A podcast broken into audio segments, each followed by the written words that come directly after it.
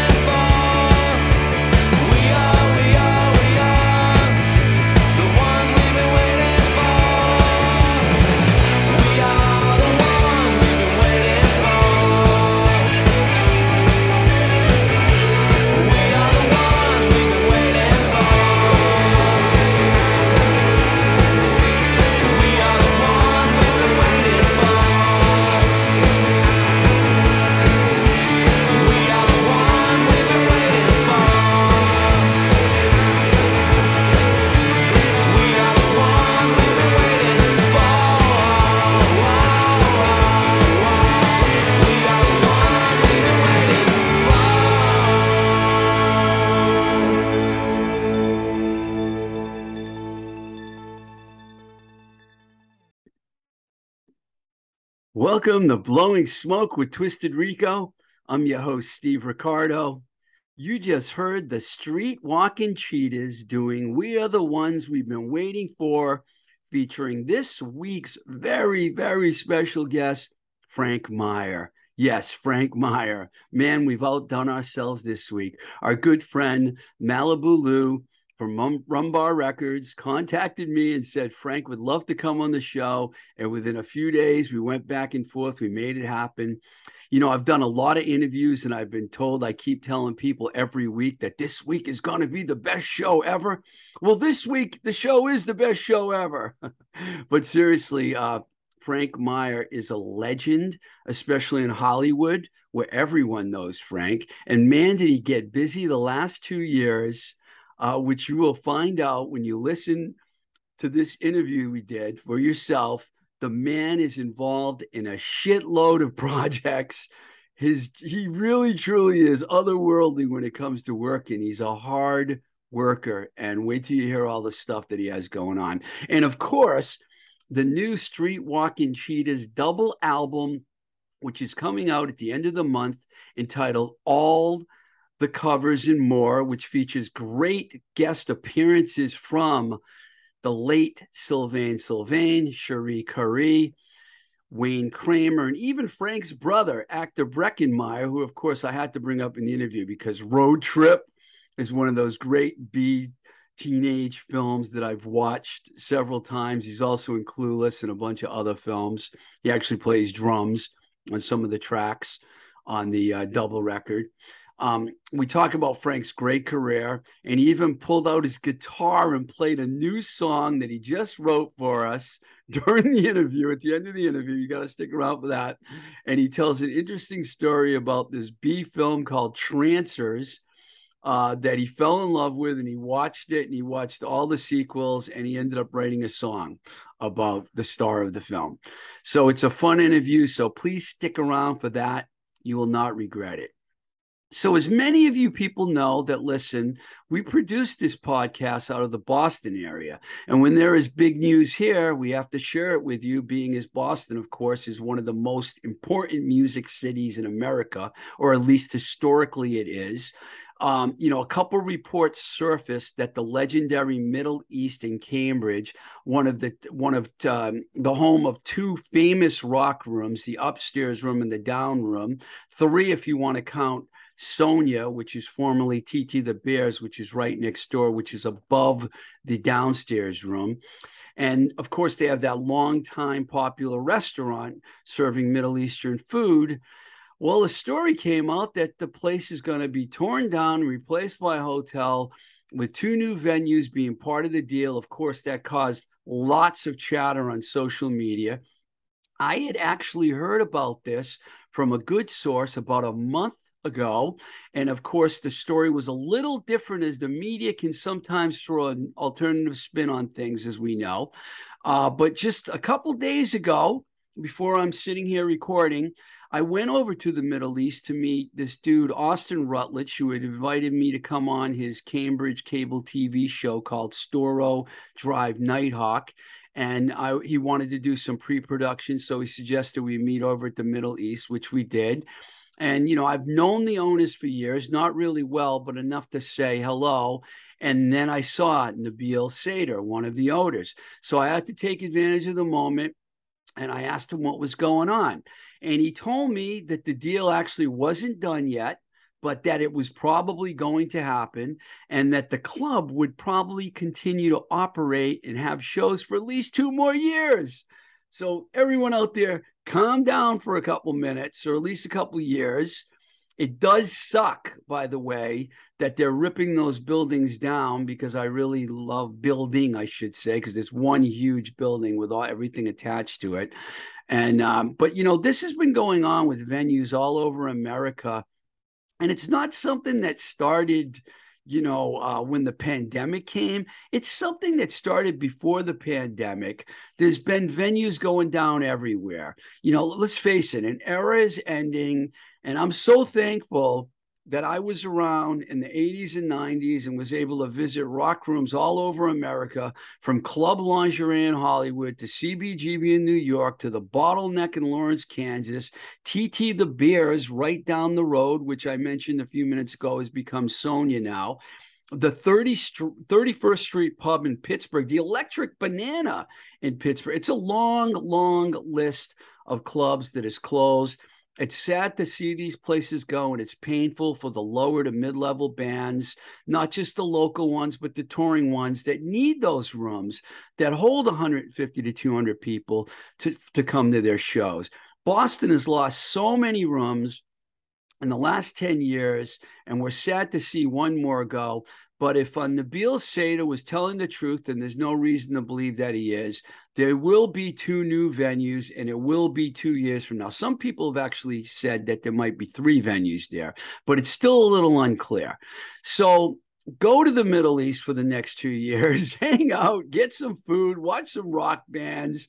You know, I personally like hanging out there I really, really miss TT the Bears, which is probably one of my favorite of the smaller Boston venues because they had a really good owner and the management there was always good to me personally. They let me put on a bunch of animal benefit shows there for Kitty Angels and the Animal Rescue League, etc. And um, plus, I put a lot of compilation shows on there. I got to tell you, I always tell people that Randy Millman, who was the booking agent that I dealt with for a long time there, was one of the best and most honest bookers you could deal with. She gave it to you straight and up front. She told, told you like it was. I remember one time uh, booking a band. I was booking a band there, and she came right out and said, if they don't bring at least 40 people, they're done here. Thankfully, that band did bring way over 40 people and it worked out. But that's pretty much the way she was with bands. She just didn't beat around the bush. She's like, we need people in the room to drink at the bar to make this work. So um, I wasn't going to mention the band, but now I have to because that very same band posted on social media recently that they're doing some recordings. Uh, producer and guitar player of the band, Richard Marr. Of course, the band is the is Flexi. is I was going to say the aforementioned Flexi, but I didn't mention them yet.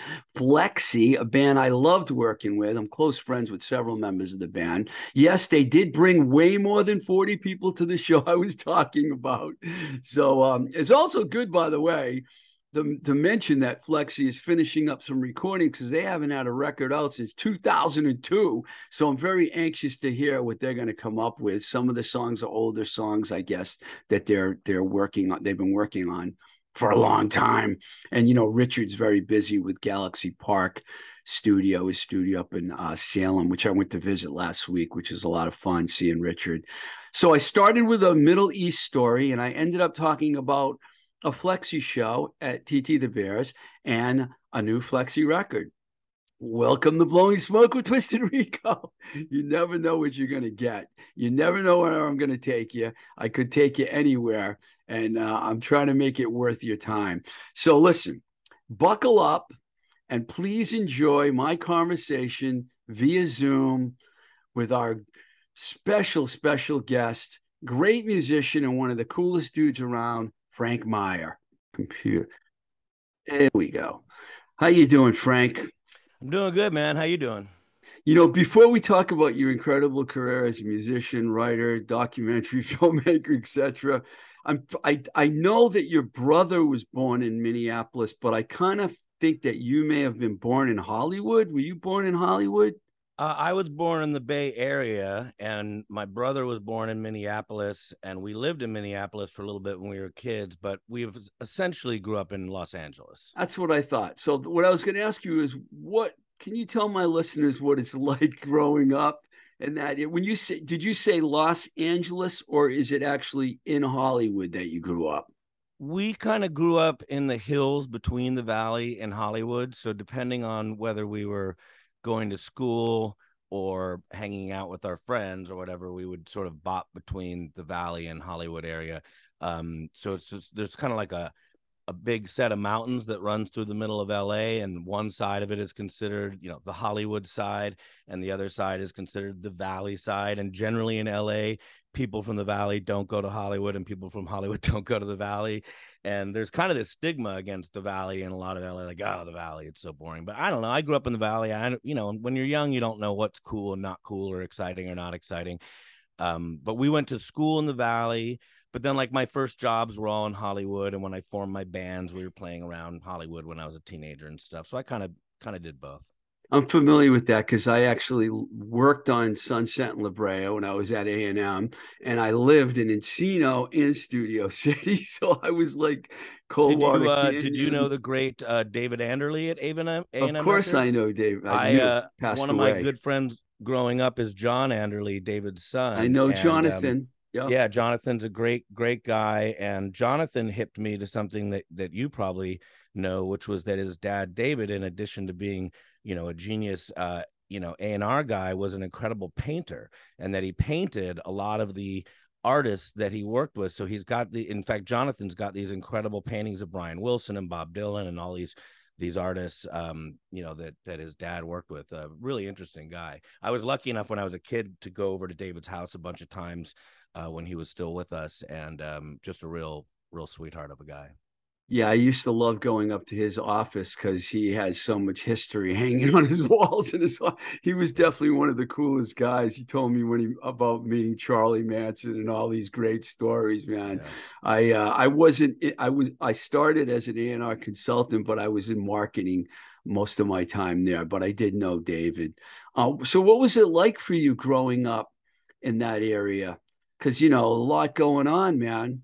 Yeah. Uh. Well, I mean, I guess the two things that kind of stand out that maybe I guess made our life a little different than most kids was growing up in the 80s definitely was a time when there was a lot of exciting music and a lot of things going on in show business. And you know we were in the thick of it in the sense that uh, our stepdad was an entertainment attorney.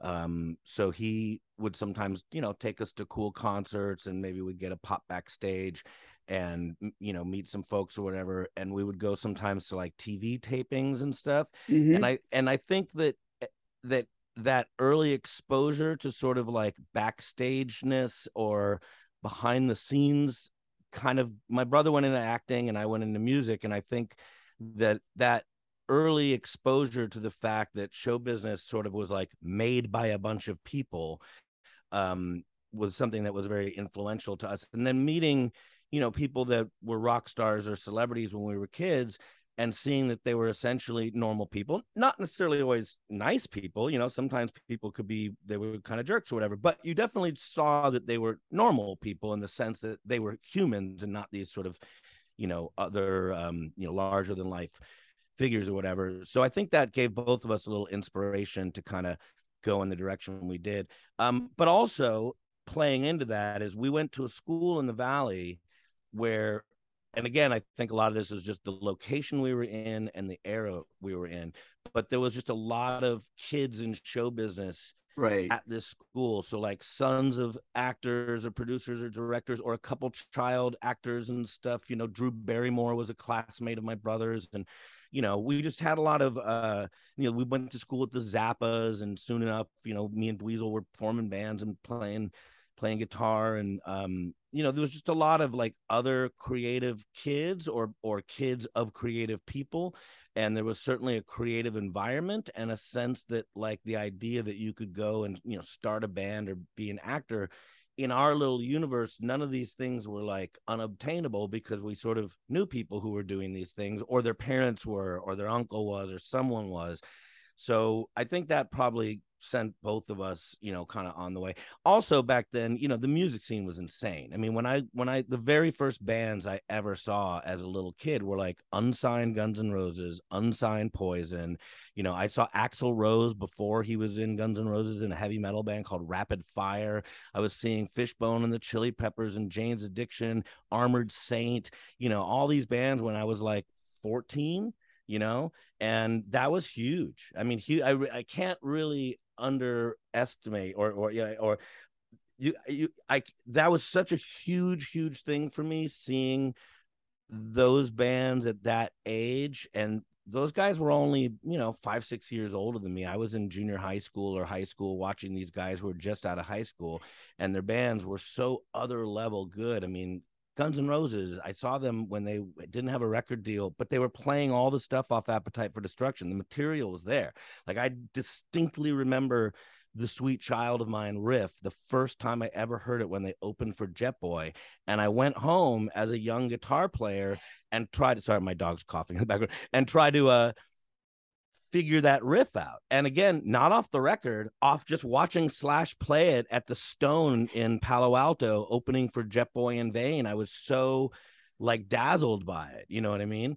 Um, so those kind of moments are, I, I think, sort of set me on my way. You know, I could totally relate because I moved to LA in January of '84, so I was watching all those bands too. In fact, I know a lot of the guys in those. I worked with Armored yeah. Saint and Poison, and I knew Jet Boy. Those guys came and I hung out with them many times, and yeah, I went to a lot of those shows. I saw all those bands too, so I know exactly what you mean. I'm a few. I was their age because you right. said they were about five or six years old. Yeah, I was kind of like, I was a little kid. I mean, I was definitely even for that scene.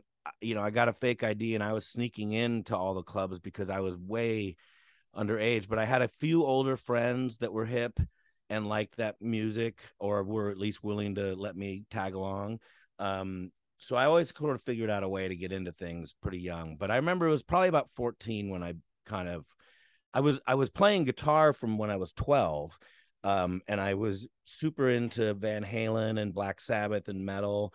But by 14, I started noticing like BAM magazine and Music Connection, uh, where there was ads for local bands, and it was like, well, who are these?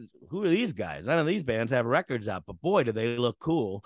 And uh, you know, and at that time, like there was still that sense of like underground music too. So, you know, I was listening to like Hanoi Rocks and Lords of the New Church and the Specimen and Redd Kross, and that stuff yeah. was not evident on MTV. But if you looked at BAM magazine, every single band looked like Hanoi Rock. So for me as a kid, kind of there was this awareness at some point that like what was on the radio and what was on MTV was just a sliver of what was out there. And that if you did only a little bit of digging, there was this underbelly of all this way cooler music that was like edgier and more dangerous and and maybe pulled in more influences. Everything wasn't just punk or metal, you, you know, could see or new wave or goth. Like yeah, like yeah. back there was cool bands that were like you know, sounded like the Stooges and Motley Crue, and you're like, I don't know how that's possible, but I'm loving this. You know what I mean? Like, it was a so... great time. The '80s was so great. I was in LA for all most of the '80s, and I loved it out there.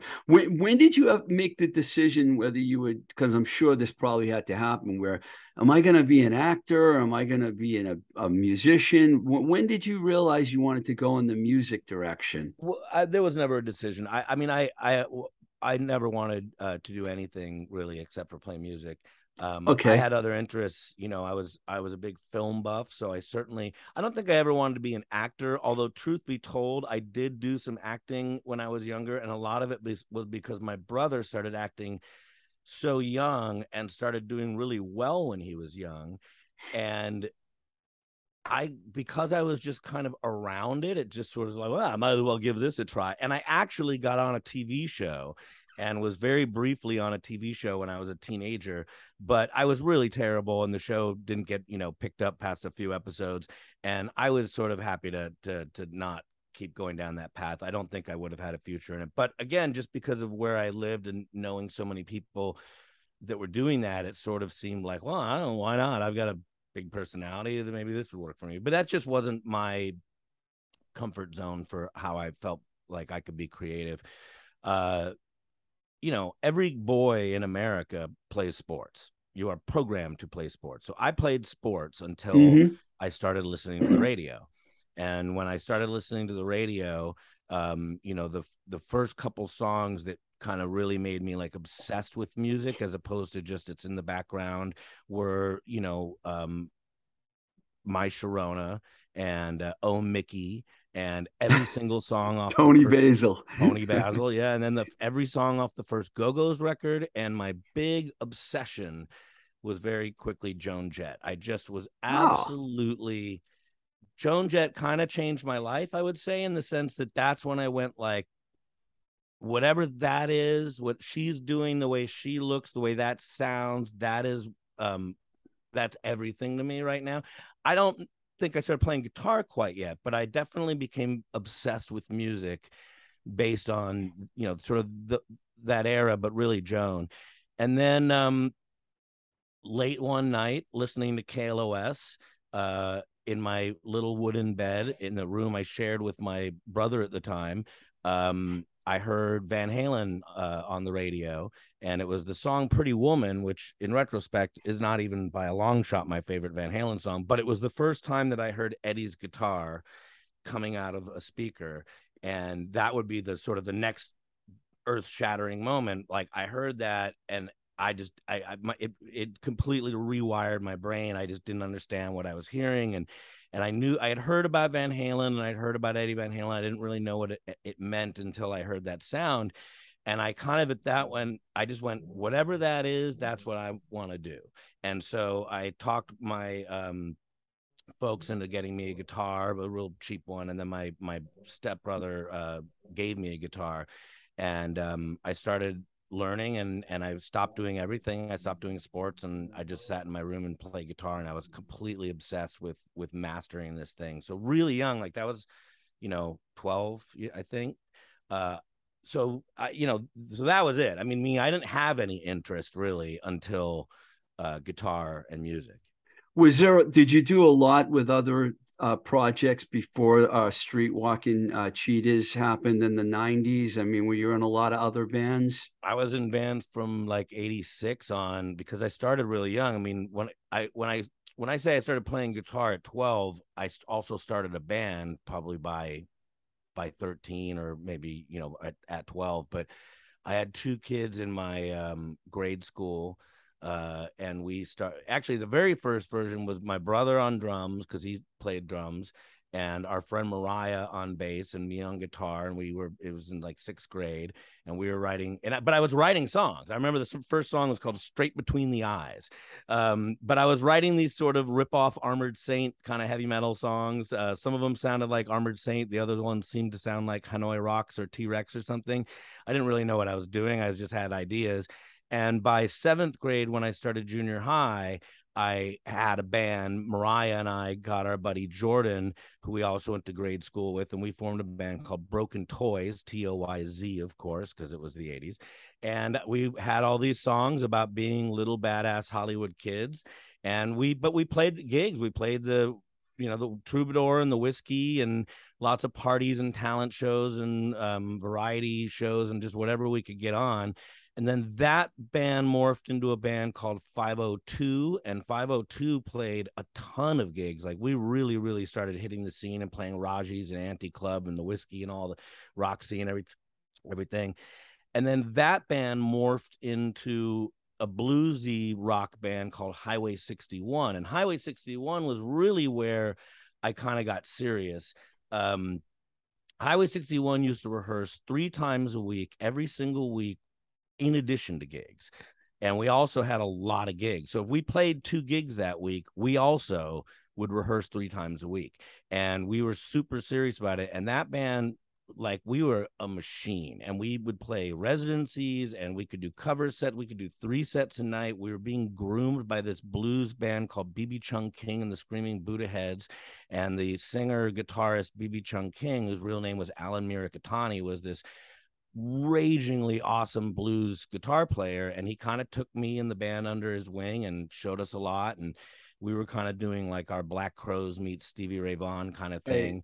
And um and we got really good we never got signed but that was sort of when i was i would say when i really became like a real musician and then after that uh band broke up i was in a few other little things uh you know, grunge band called sonica and sort of just trying to find my way and uh by the time I did the cheetahs, I was almost at a point where I was kind of like, should I even keep doing this? Like, I keep going from band to band. I'm writing all these songs and I'm not getting signed and no one really cares.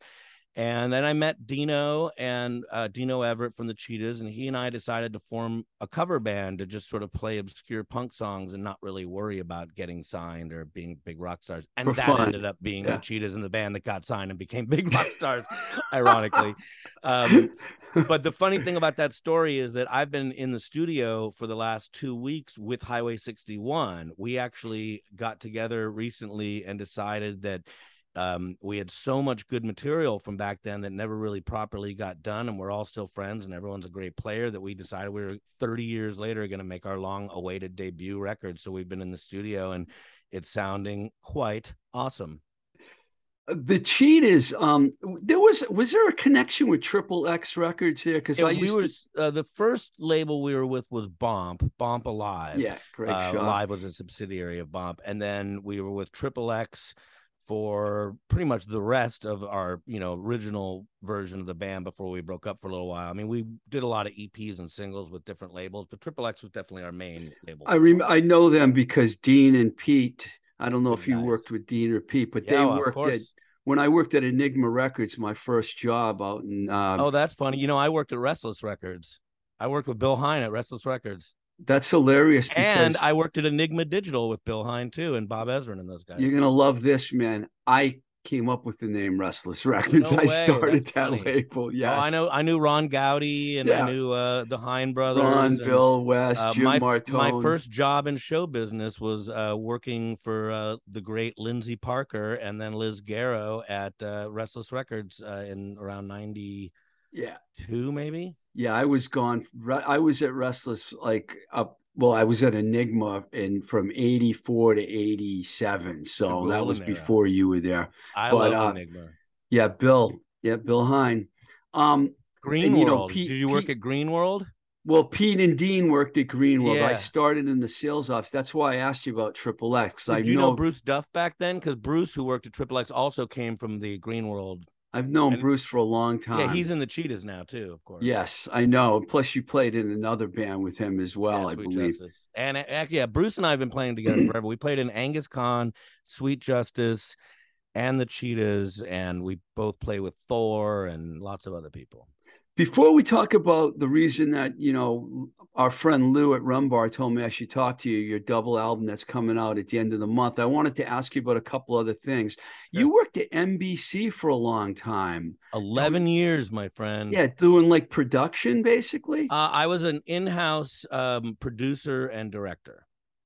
That's that's basically what I do when I'm not making music. Is uh, I mean, I to be honest, I'm kind of a ridiculous multitasker, but uh, my main day job is I am a director, and I tend to work in TV or digital. Uh, I worked for at NBC for years. I worked at Fender for a long time. I worked at Tonal, which is a fitness tech company. I've done all sorts of stuff in the directing world. Directed lots of TV commercials, and I've directed three feature documentary films as well. So directing is kind of my thing away from music. But I've also uh, written eight books. So I do. Yes. My side hustle's been as an author as well. The probably the most well known in this universe would be on the road with the Ramones, which was my first book, and I wrote it with the Ramones tour manager Monte Melnick. And my last couple books have actually been not about music; they're about raising kids, like sort of self-help book for young fathers. A book called Diaper Dude, and a book called From Dude to Dad that were on Random House. It would be impossible to talk about everything you've done, Frank, because you have. I don't so expect people to. I picked a few things out, and another one was you. I've got to ask you about working with uh, James Williamson, who was inducted into the Rock and Roll Hall of Fame as part Mhm. of, of uh, Iggy and the Stooges. yeah. Uh, you you guys did two records together, and I noticed Petra Haden. I loved that dog, and I, I know they put a record out a couple of years ago. She wasn't involved, but she was originally in the band, and I used to love that band. Yeah. That project must that's a cool project. Talk about that for a few minutes. That was fun. Um, I met James through Cheetah Chrome of the Dead Boys. I was Mhm. playing guitar in Cheetah's band on and off for many years. And we got offered a date opening up for James was doing a one-off theater show where he was going to run through all the Stooges material, both you know hits and rarities, with a bunch of guest vocalists and a guest, you know, sort of all-star backing band. And uh, Cheetah and James were friends, and James asked Cheetah to support, and I was in Cheetah's band, so I got the call to do the gig. But then James and Cheetah spoke again, and he mentioned that he was short a few lead vocalists, like a few people that he expected had either pulled out or weren't available or something. And he essentially needed a singer to sing a bunch of different songs, but but they were kind of all over the map, like meaning it wasn't just like rockers. He he needed someone who could, you know, do some diverse stuff, I guess. And uh Cheetah recommended me, so I got an email out of the blue from James Williamson saying, "Hey, this is James Williamson from the Stooges. Cheetah Chrome says you'd be good to sing some of my Stooges songs. Would you be interested?" And I'm like, "What? This is not happening." Um, so I said, "Sure," and um, I went learn, you know, learn the songs, and we did this gig, and it was great. Jesse Malin and you know Jello Biafra and all these um, uh, all star you know musicians were there, and we all jammed and had a great time playing with James. And then if that had been the end of the story, that would have been a great story. But uh, I got a call about a year later from James who wanted to write some new songs. And he said, you know, the Stooges are pretty much kaput at this point. So my normal writing partner, Iggy, is not available. And I'm seeking someone else to write with. What are you doing? And I just was like, again, I'm like, is this happening? This is just ridiculous. But so I said, sure, man, send me some ideas. He sent me some ideas. We we got four songs out of that and at that point, James said, I'm going to head to LA to record these and I'm going to bring Petra Haden with me. Um, you know, I like using her. She she had done some stuff with James in the past. So uh we made those four songs and they came out great. And uh James said he liked it so much and he really liked the combination of Petra's sort of opera level, unbelievable, can do anything voice and my sort of guttural, bluesy punk howl uh, it, it's an unlikely combination, but he saw something there. So he uh, said, let's form a band. And uh, again, I was just like, is this happening? um, and so he and I got to work. Uh, Petra is not necessarily a, a, writer per se, but she can sing anything you throw at her, and she's just an unbelievable musician. So James and I were writing songs but also we knew we had kind of this secret weapon of Petra's voice. So we didn't mm-hmm. necessarily need to go make a whole record of like barn burning rockers because we knew we could kind of go in any direction because between me and Petra, we had it covered. So we wrote this. It's called James Williamson and the Pink Hearts. The album's called Behind the Shade. Came out a few years ago, and I I love I love that record. It's it's kind of got you know all the elements you'd want from a Stooges related thing, but it's it's definitely got an Americana vibe. There's a little bit of pop, a little bit of country, a little folky stuff. It's it's a really diverse record. I, I was really happy with it. And then uh, about a year after that, uh, James called and said he was doing a record with uh, with uh, Deniz Tek of Radio Birdman, and Deniz and I go way back because the Cheetahs had recorded with Deniz back in the '90s. So um, I guess they had dinner and talked about doing uh, an album together and James mentioned me and Deniz said, "Oh, you know, yeah, yeah, I like Frank a lot." And so once I got Deniz's thumbs up, they brought me in to just work on lyrics. So with that album, um, they were working on the music, and then they would just throw me ideas, and I would write lyrics. And they used some of my lyrics, some of Deniz's lyrics. There's a another guy James works with, so the lyrics kind of came from whoever they thought had the best take that that worked for the song. I ended up with three songs on that record. Um, and so now I'm just, you know, waiting for that next call from James to get to work. Amazing. And more recently, you collaborated with Eddie Spaghetti from the Supersuckers. Uh, you released Motherfucking Rock and Roll. Yeah, on, uh, I listened to that. Fantastic. Tell us about that. I mean, I got to, I, a band I managed, the Charms, were on a long tour with the Supersuckers when they did the New York Dolls tour together. So I got to I see that. the Supersuckers a lot. And Eddie's a cool dude. That, that, that's, tell us about that. Well, uh, Eddie and I met in the 90s uh, when the Cheetahs and the Supersuckers started touring together. Um, Eddie saw us play at South by Southwest. Um, we were touring with Wayne Kramer, and we were also Wayne Kramer's backing band at that point. So he saw us do like a a double set in a row of like an MC5 set with us and Wayne, and then a Cheetahs set, and he liked what he saw. And he came up to me and said, Hey, man, you guys should come out and tour with the Super Suckers?" And I kind of went like, "Yeah, sure," because you know a lot of people come up to you after a show and go, "We should do this, this, this," and then it's all Yeah. bullshit. But then we got a call from Eddie's agent, and sure enough, they offered us like a nice long tour with the Super Suckers, and both bands really hit it off, and we just kept touring together on and off throughout. You know, I mean, pretty much up until now, we still tour together. Um, and um, Eddie and I just always kind of had a good relationship. I think we have a similar record collection, and to some degree, I probably got more metal records, and he's got more country. But there's a lot of places that we have um, Crossover, yeah. yeah, that we cross over. We both think My Sharona is the greatest song ever written, hence why we covered it.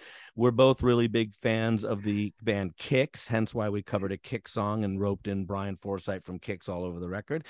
Um, but mainly we just kind of get along. We just always been pals. And when the pandemic happened and his band was um, sent home from Europe to stop touring because the world was shutting down, and my band, you know, was uh, canceling gigs here on the West Coast, and suddenly we're both sitting around. I have a home studio, so I just said to Eddie, "Why don't you, uh, you know, you got any song ideas?" And he sent me uh, an idea, and I turned it into a demo. And that song was the first song um, that we uh, put out together called "Shit's Fucked," and that was kind of our take on what was happening at, in the world at the time. Then we did a cover of Tom Petty's "Jammin' Me," but kind of updated the lyrics a little bit about the current political climate and those did well so we thought we would make a whole record and we did and motherfucking rock and roll came out about a year ago on kitten robot records and uh it's you know bunch of songs we wrote together a couple songs we each brought in that we were working on our own and a couple covers and we're talking about doing another one soon too and uh Ruyter Suys from nashville pussy um, who appeared in the video for my Sharona, Right. Yeah. is uh, now going to join the band and be Wow. lead guitarist on the next record. So we're all just kind of um, trading song ideas. Oh, I love Ruyter. Yeah, she's. I- she was I just over actu- here at my place over the weekend uh, when her and Blaine together or separately are in LA. They always come stay with me. So she was just here. We went to Malibu actually and had a, a heck of a time. When I moved back to Boston, I think around 99, I booked the first two shows that Nashville Pussy played in Boston. I'm very proud of that, by the Great way. band. Very proud of that. Um. You really took advantage of the time during the pandemic and you did a lot. In November 2020, you released The Traveler, which Eddie was on, and Monique Powell and Lord G. And then you also, I, I checked all these tunes out. You did a bunch of song. You played all the instruments on these. Last song ever heard, High Plains Grifter, and on and on. All these. You man, you got like some major inspiration going on while a lot of people were probably in the doldrums. How did how did that happen? Well, I mean, you know, uh, I'm a musician, so when I essentially got laid off from my day job, I just made music until the world got back in order. You know, I mean, that's really that's what I know how to do. Um, and and also since I got laid off, like again, like many people, you know, the in many industries just shut down and people got Mhm. furloughed or laid off. I got furloughed and then laid off. And so the way that I paid my rent during the pandemic was music. I started pimping myself out as a session vocalist and session keyboard player and session guitar player and started really getting active on reaching out to bands around the world and started meeting a lot of other musicians and doing a lot of like trading files with musicians and I've got um I, I you know whether you like my style of music or not as a vocalist I have a very big range. I can go baritone and I can go falsetto and I can hit everything in between. A lot of, and I don't, and this is, I'm not saying this is like, i am so great. This is more like I figured out that this was something I could make money on because really I can sing anything. And uh, I'm not saying I'm opera level and I'm not saying I'm a Petra Haden level, but for a rock singer, I've got a really good range and I can hit most stuff do. full body and I understand harmonies and all that stuff. So it kind of occurred to me that that was something I could maybe use a little bit. Um, and so I kind of started pimping myself out as a vocalist and getting a lot of um, hits, but not again, not necessarily as a songwriter, but more as a session um, vocalist. So what happened was like I just kind of decided to do everything at once um i meaning i was working on a cheetahs record one more drink i was already involved in that when the pandemic happened um started making that record with eddie uh there was a uh, was playing in a Long Beach band called Blind House. We finished some stuff and put that out. Then me and Brian Coakley from Blind House formed a band called the Antivirals, and we made a whole album. And then some of the guys I met online doing session work is I I sang on a Warrior Soul album, doing a lot of backing vocals, and through that met the guys who were in his backing band, Kory Clarke's backing band, and they were in bands like Shameless out of Germany and the City Kids out of England, and um, so I started kind of networking with those guys, and now I'm singing on Shameless songs, and now I'm singing on City Kids songs. And then those guys from City Kids and I, we formed a band called Trading Aces, and we made a record. So now there's the Trading, and then me and the guy, other guy from City Kids, formed an all covers sort of tributey kind of band called uh, Anti Fashion, and we made a whole record of Social Distortion covers. And then I also wrote a bunch of songs with the heavy metal guy Thor, and that stuff came right. on his record. And then I that. The, James, the James Williamson record, and then I formed a band with the band, the guys in Gacy DC called uh, the Doberman, and um, I kind of just kept going. And then and then any material that I wrote that didn't fit into any of that stuff became the Bandcamp stuff.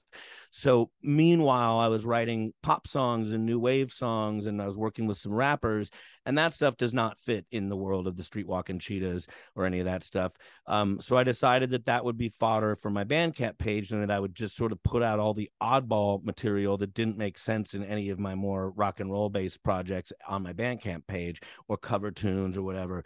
So I kind of just decided to do everything at once, like that movie, Incredible. everything all at once. Incredible. Before we talk about the the double album, uh, I got to mention this too. You you directed a documentary called Risen, the mm-hmm. story of uh, Tron Hell Razah Smith. Yeah, Shron, Shron. It's kind of a hard name to. Uh, Shron, I know. I was Hell Razah Smith. He was a rapper called Hell Razah yeah, he right. was a Wu Tang Clan affiliate, and he was in a really amazing group uh, called Sunz of Man, and has done a lot of acclaimed solo work and blah blah blah. And that's on Amazon Prime. Uh, it came out in March 2020. Yeah, um, it came out days before the pandemic. that must have been an interesting project to work on. I worked on that project um, for about eight years. Uh, oh, um, the long story short is that I met Hell Razah in the 90s, uh, right around the time that the Cheetahs first formed. I was working as a publicist. I had worked at Restless as a publicist, and then I went to a label called Giant, and then I went to a label called Red Ant. And Red Ant uh, is where Sunz of Man got signed. And I was a big fan of uh, Wu Tang Clan, and I was a big hip hop fan in general those days. And I already was hip to Sunz of Man. I had their vinyl, their vinyl, you know, white white label 12 inches and I had the cassette singles and all this stuff. And I was following the band members' solo stuff, Shabazz the Disciple and Killah Priest and Prodigal Sunn and Hell Razah and 60 Second Assassin. I was fans of these guys. So when I heard we were signing them, I was like, I have to work that project. So I worked the project and I became friends with those guys and and and really good friends with um Hell Razah. And we stayed in touch and we made some music together over the years and eventually um, when i was at nbc i was doing a podcast called freestyle 101 where i would get rappers to come in and sort of spit on the mic and then talk about like the art of lyricism versus freestyling and sort of how they do what they do and i had had Razah on the show so i had seen him recently and then he had a brain aneurysm and he lost the whole left side of his body. yeah and that was in 2010 so between 2010 and 2015 I um, was going back to New York and filming his recovery and rehabilitation process and interviewing people from the group and Wu Tang and his family and different musicians and so on and so forth. And by 2018, we had completed the film and it was uh, getting released on Amazon Prime and uh, was you know winning awards at film festivals. Yeah, great, ton of awards, great response. So it was a really Definitely. cool project because you know I was friends with this guy, so it was personal. You know, I, I wanted to do it to shine a spotlight on his life and his art and his hard work and the struggle he was going through. And I also had a gut sense that there was a lot of other people that had suffered brain aneurysms or strokes or other, you know, life changing medical traumatic events that um, maybe could use the inspiration and that you know watching Razah struggle and then essentially, you know, um, take on his ailments, you know, head on like that and in such a brave way. Uh, I figured that, that was a story that other people would, you know, maybe uh, benefit. Fantastic. From. Fantastic, man. I haven't seen it yet, but I definitely have to check that out. That's well. The that's... funny thing is, there's a new movie coming out that uh, in in November called Freestyle 101 Hip Hop History, and that's my new documentary. And that is, uh, I had shot so much footage when I was at NBC shooting, um, you know, rappers that it occurred to me I should just continue. You know, once I stopped doing the Freestyle 101 podcast, I continued shooting rappers sort of with that subject matter in mind because I just knew that there was a story here and that I had so many people talking about the same subject matter.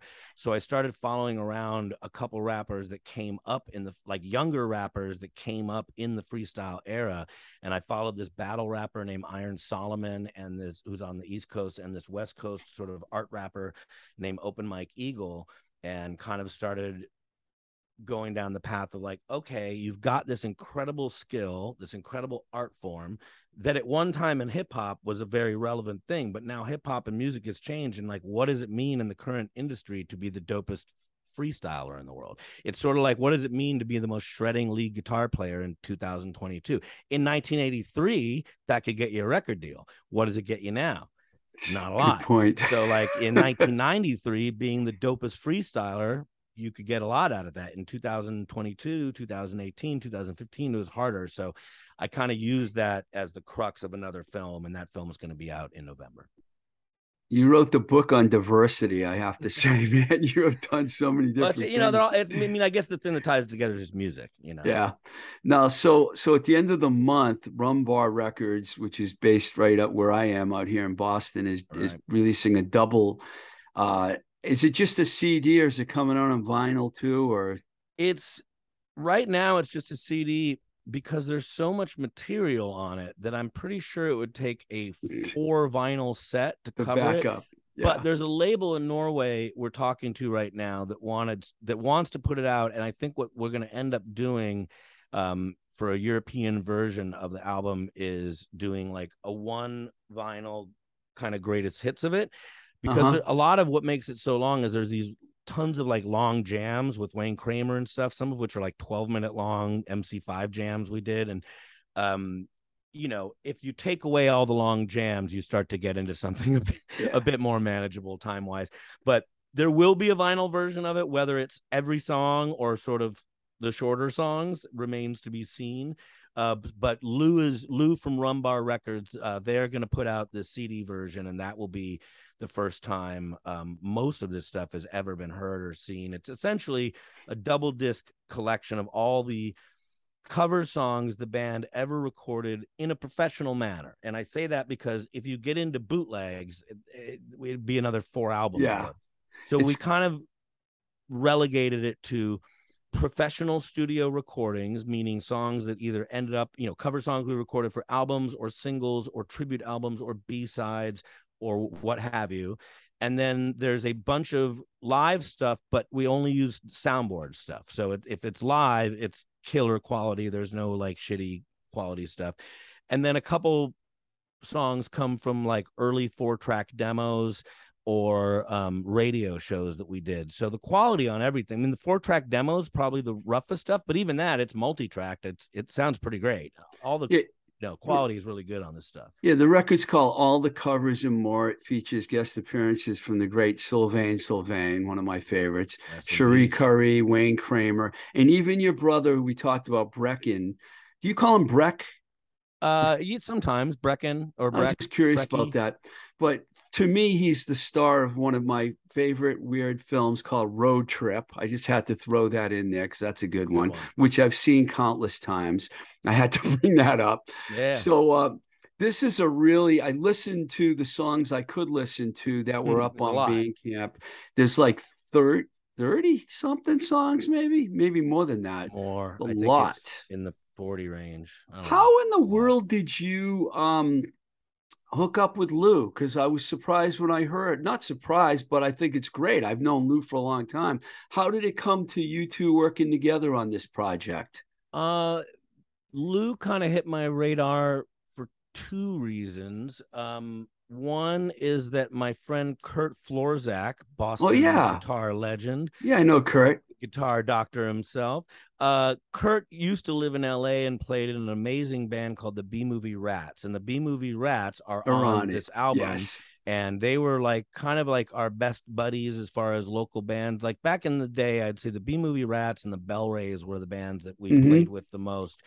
And the Rats were good friends, and um, Derek and I and Bruce Duff and Dino from the Rats formed a metal band called Angus Khan. So we kept making music together and we recorded some cover songs together over the years that are that are on this.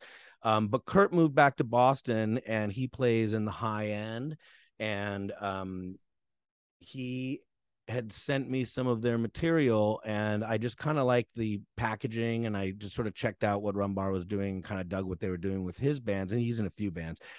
Uh, and then also uh, Ruyter from Nashville Pussy, she knew him and she was working with him um, on the Georgia Peach record Mhm. and um, just some other stuff that they'd done together.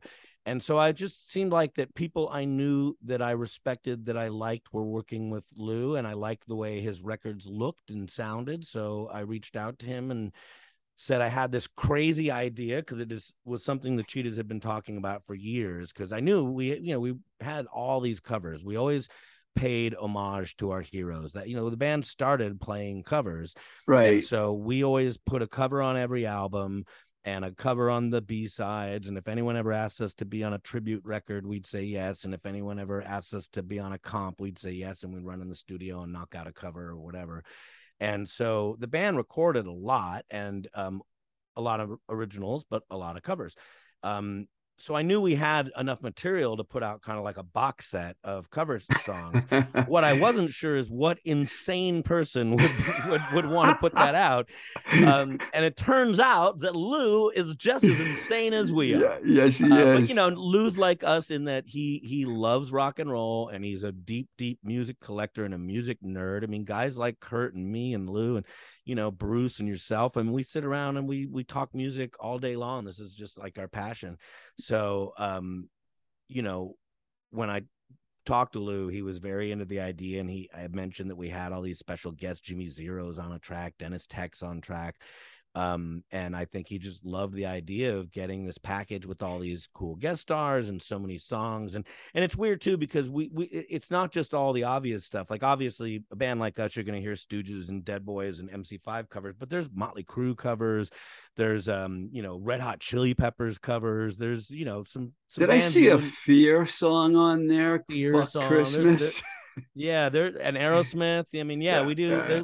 I mean, you know, we're not. I mean, we get called a punk rock and roll band or a punk band or whatever, but you know, like everyone that likes music, we've got our. We've all got metal records and blues records and rock and garage and you know classic rock and that's you know everyone has a wide swath of music that kind of feeds into you know their influences you know Yeah, I see this record being all over the radio for sure, man. Or internet radio or satellite radio, Yeah. whatever you want to call people it. seem to be uh playing the hell out of the the version of cherry bomb with cherie which is so cool because that song and cherie play a very important part in our band's history cherie um i mean we're just diehard runaways fans and uh, after we'd played our first few gigs um, we had learned Cherry Bomb as the first song we ever actually played in a rehearsal. And then we saw that Cherie and Sandy West were playing this club called the Coconut Teaser Yeah, I know a it. few Yeah. months later. So we went and saw them and we brought our album for them to sign. And um and we mentioned to Cherie, like our band started because of you and because of Cherry Bomb, and we played Cherry Bomb. It's the first song we learned, and we're playing here next week, and you should come. And she was like, Oh, I'll come. Shit, if I come, I'll jump up and sing with you guys. We were like, What? We did not think that that was going to happen. And she showed up and she jumped up and sang. In fact, the music video for Cherry Bomb, the footage in there where I've got the blonde hair, that's from that first show. Wow. That's like our third or fourth concert ever. And it's the first time we ever jammed with Cherie. But we didn't have a following or a, a buzz or anything at that point. But then when word got out that Cherie Currie was jamming with us, we had a following and we had a buzz. And she started co- coming on a regular basis and inviting Dino and me to sit in with their band. And then we were backing her up at shows. And like we just became really good friends. Then we recorded Cherry Bomb. Cherie and I still work together. We just recorded two brand new songs we wrote together that we're shopping around right now. Fantastic. Um, so, you know, our whole, she was really like the first person, you know, that means something in rock and roll to sign off on the Cheetahs. And she stayed with us in our corner this whole time. So, we thought it was very, very fitting to um, have Cherry Bomb be the first single, and it couldn't be cooler that people are playing it and digging it because it just kind of all goes back to like the whole reason why the band started, you know? Amazing. Okay, so before I let you go, you said you might have a little surprise for uh, my audience here. well, yeah. If we if we're gonna call this a surprise, it's a bit of a a, a wacky uh, wacky thing. I'm gonna pull out of my back pocket here if you're down for it. Have you ever seen an early '80s sci-fi B movie called Trancers? you mentioned that you asked me that before, but I'm sure other people have. I'm kind I of haven't. also asking, you know, the world, the audience. But it's sort of like a Blade Runner meets Valley Girl, um, Valley knockoff. Girl. You know, it's Helen Hunt's first movie that she Ooh. starred in, but the real star is Tim Thomerson, uh, who a lot of people know from TV stuff, and he was a comedian, and he plays uh, a, a future cop named Jack Death, and Jack Death is in the future fighting trancers, which are basically the zombie state that people turn into if they're following this cult leader with mind control named Martin Whistler.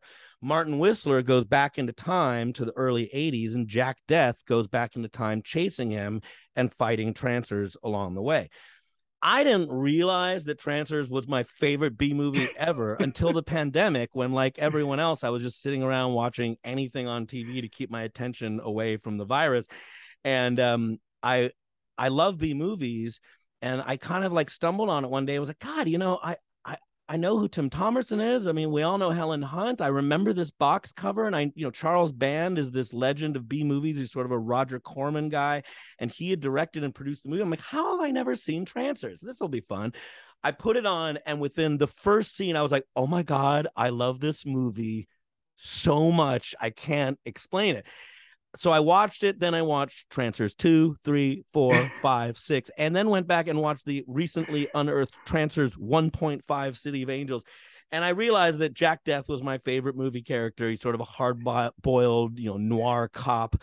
And um, that, that I loved this movie. So then, when the pandemic was in full swing and you could um, you could have patios were the only thing that was open, you know, some of the uh, clubs started doing like entertainment on the patios. You know, like you could have a you couldn't have a band, but you could have a singer or a DJ. Yeah, right. I went to every single club in Long Beach area where I was living in Orange County and said, "Here I am. I can do three, four sets a night," and they all said yes. And I was doing three shows a week doing three sets a night wow of all solo all acoustic playing a mix of cheetahs and covers and just all my different stuff but and uh, I decided that I needed a good, rollicking, crowd pleasing sing along ending for this acoustic set I was doing. And I wrote a song about trancers called Jack Death. And I figured that no one in the audience will have heard of this movie. Sorry, my dog. Um, but it's so ridiculous that if I told the story and then played the song, people would get into it. And by the end, every single time the whole audience was singing Jack Death and laughing at this ridiculous song. So I'm excited. This is not on any album. I really only have been doing this at these live acoustic shows, but I thought it would be fun uh, and that you might enjoy this. It's pretty ridiculous. So hold on to your hats. this song is called Jack Death, and it's about the movie Trancers.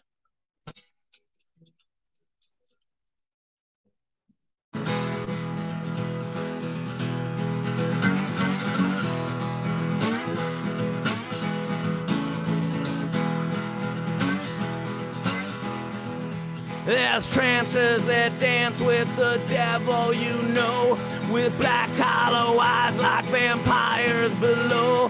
They'll take you down the line and swallow your soul, take your last breath. Jack Death.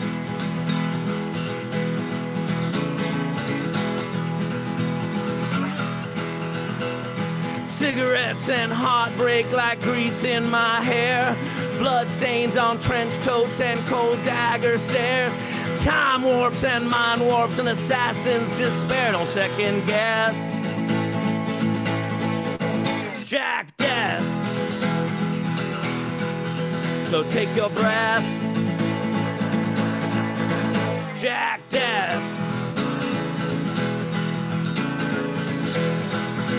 He's a hot-blooded, cold-hearted killer through time. A 20th century menace in 1985. Shopping malls and chopping malls and henchmen for hire, but it's the girl that sets his heart on fire. Yeah!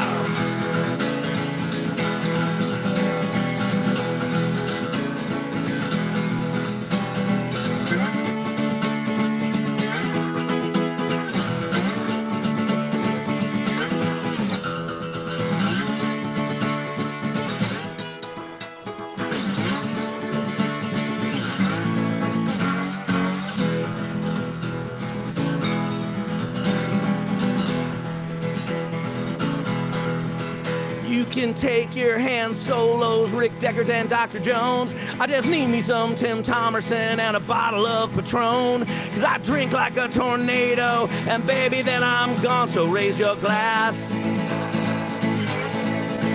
Jack Death. With bated breath, yeah, yeah, yeah, yeah. Jack Death. Cause he's the best.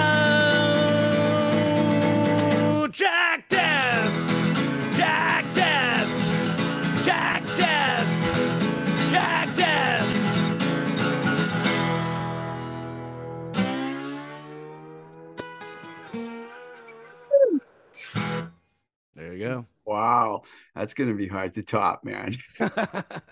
hey, Frank, thanks a lot, man, for taking the time to come on the show, man. Great having you, and you're you're awesome, man. Everything you're doing is so cool. Thanks, Appreciate man. it. Appreciate that. Appreciate the support. Uh, you know, if you want to check out my stuff, you can find me on Instagram at the Frank Meyer or uh, Street Walking Cheetahs are on Instagram as well. All my bands are.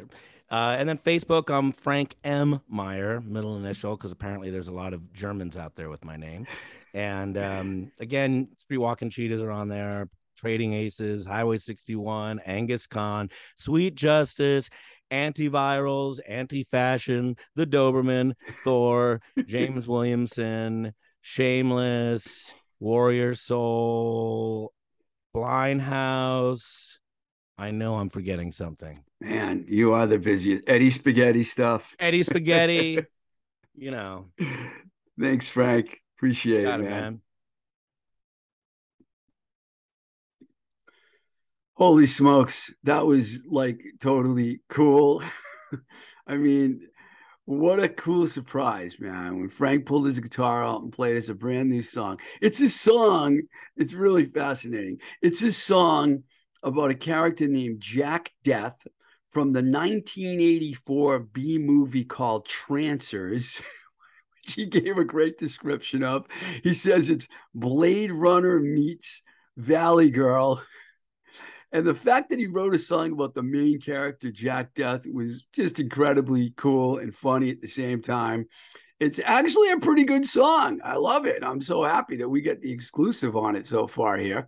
Um, Frank Meyer, uh, cool guy, amazing career, and he's got a lot of groovy stuff coming down the road. So stay tuned. I mean, the things he did with Eddie Spaghetti, by the way, you can check out on Bandcamp. Really good. What a great combo those two make. Um, so it was fantastic having him on the show, and he's welcome back anytime, man. I definitely want to keep in touch with him, find out what he's got going on, because I have a feeling he's going to have a lot going on for a long time. So if you're enjoying this podcast, you can follow us all over social media.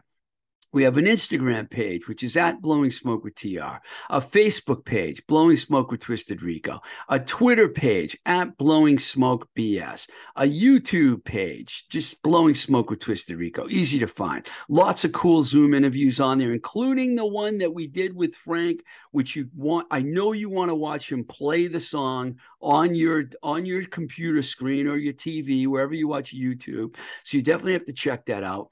We also have a TikTok page at Twisted Rico, which I put up all kinds of weird videos. You can reach me at any time at twistedrico at gmail.com.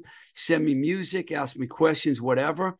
I want to thank Baby Loves Tacos and I want to thank Spectacle Eyewear for supporting this show, sponsoring this show. It's really good, you know, having these guys to help out, man. And thank you to both of them. And also, if you want to support us, you can go to patreon.com forward slash twisted rico or anchor.fm forward slash blowing smoke with TR. And you can start supporting this show for only $1 a month. You can do a hundred a month if you want, but we only need $1 a month or you can do $5 a month. I don't care, whatever. Whatever you want to do, we could use it to keep this baby going forever. So, till the next time we say goodbye, this is Blowing Smoke with Twisted Rico. I'm your host, Steve Ricardo. Keep the rock and roll alive.